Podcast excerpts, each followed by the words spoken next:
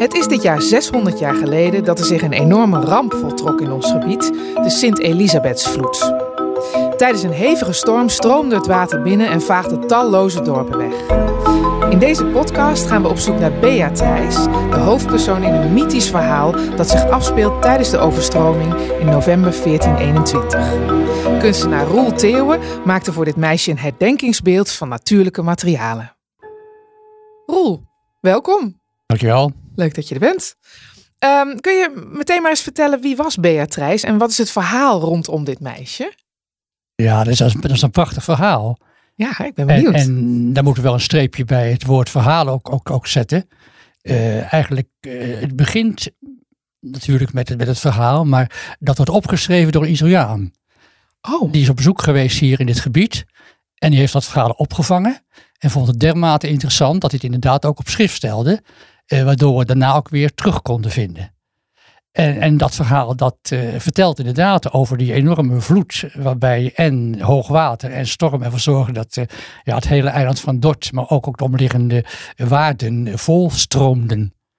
En, en, en ja, en toen, toen gebeurde dat, dat die nacht. Wat gebeurde er toen, Roel?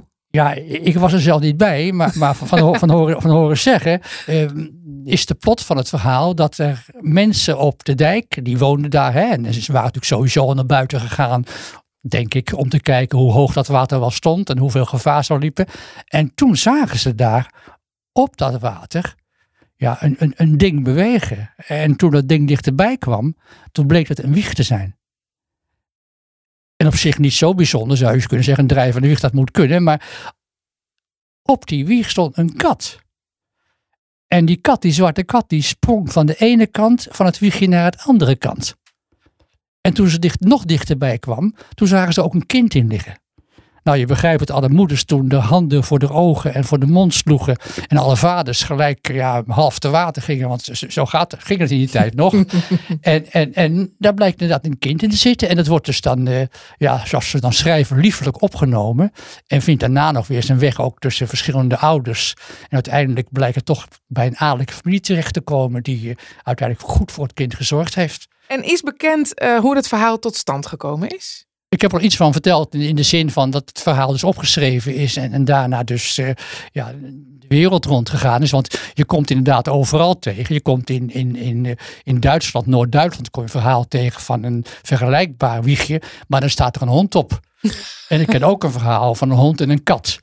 Maar die staat niet op schrift. Ah. Althans, niet, niet, niet rond 1500. Ah. Nee. En het was ook met een, uh, met een uh, overstroming. Ook met een overstroming, ja. ja. Heel soortgelijk ja. verhaal. Ja, het is zo'n leuk verhaal. Dat wordt gewoon uh, gereproduceerd. Ja. En denk je dus, Roel, dat Beatrice echt bestaan heeft? Of is het een sterk verhaal? Ja, dat vraag je nooit bij een sage. Maar een sage komt niet uit het niets. Uh, natuurlijk is, is uh, iets wat van, van, mond tot mond gaat, wordt vaak mooier of, of bijzonderder of, of enger. Maar in dit geval hebben we toch een, een vrij uh, ja, duidelijke bron die, die er is. Alleen verwijst die bron niet exact naar waar het gebeurd is. Het is, het is een algemeen verhaal wat de Italiaan hier opgevat heeft. En toch wel heel erg leuk. Ja, ook wel echt een verhaal van, van, van Holland is. Ja. Die strijd tegen het water, ja, die, die is er nog steeds. Ja, precies. Ik, wat dat betreft vergelijk ik wel eens die kat met het waterschap. Die ook uh, steeds sprongen maakt om ervoor te zorgen dat we een beetje droog blijven. Oh, ja. mooie metafoor, ja. ja.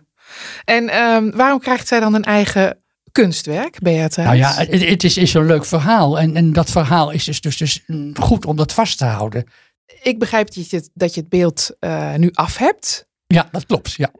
Kun je een beetje zeggen hoe het eruit ziet? Ja, het, het is inmiddels nu, nu het, zoals je al zei in het begin, het is gemaakt van natuurlijke materialen, dat klopt. Mm -hmm. uh, niet dat dat gelijk al de opzet was hoor, uh, dat het groeit. Hè? Ik bedoel, als beeldhouwer uh, heb je een beeld voor ogen, maar je weet nooit waar je precies uitkomt.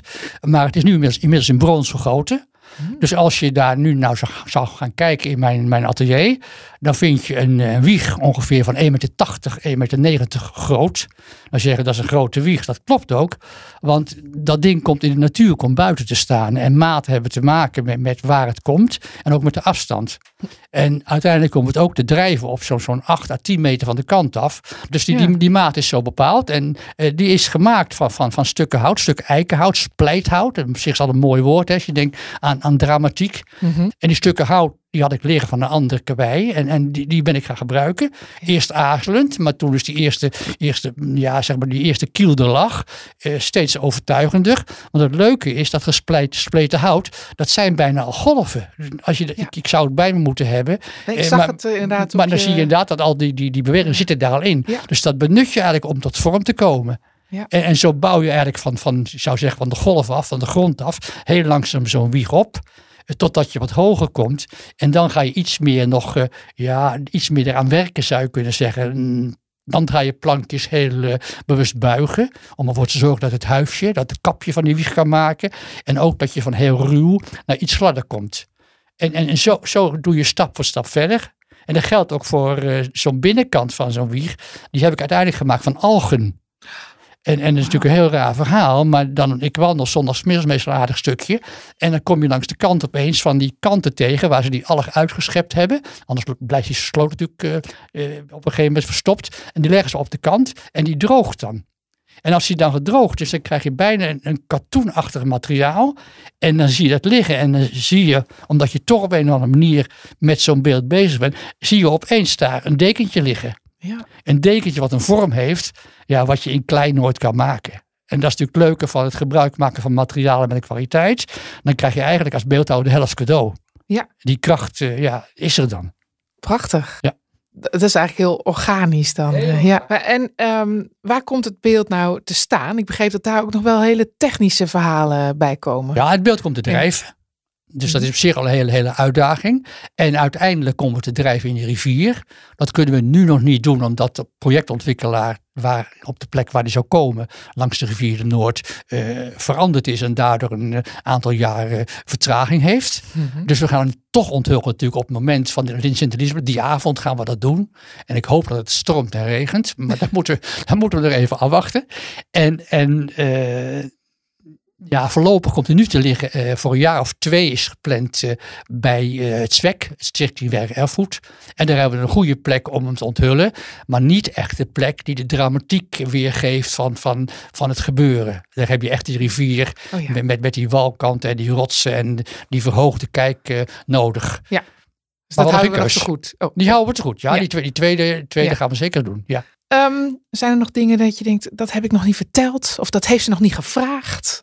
Ja, daar begint dan mee. Dat heeft ze nog niet gevraagd.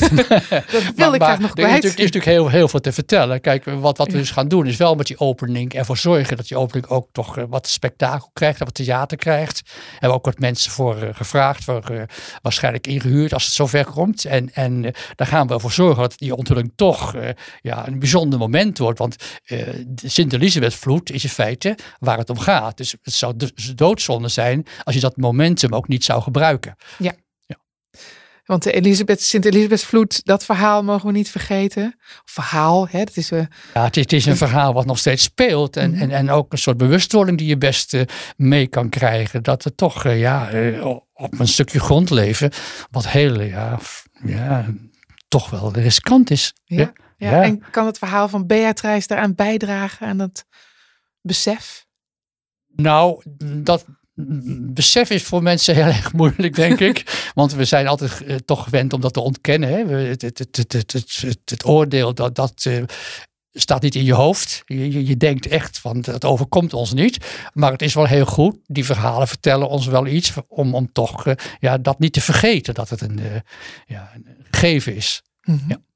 En daarnaast ook gewoon toch een, een, een goed verhaal in de zin van eh, ehm, dieren redden mensen. Op zich wel een, een leuk item zou ik zeggen.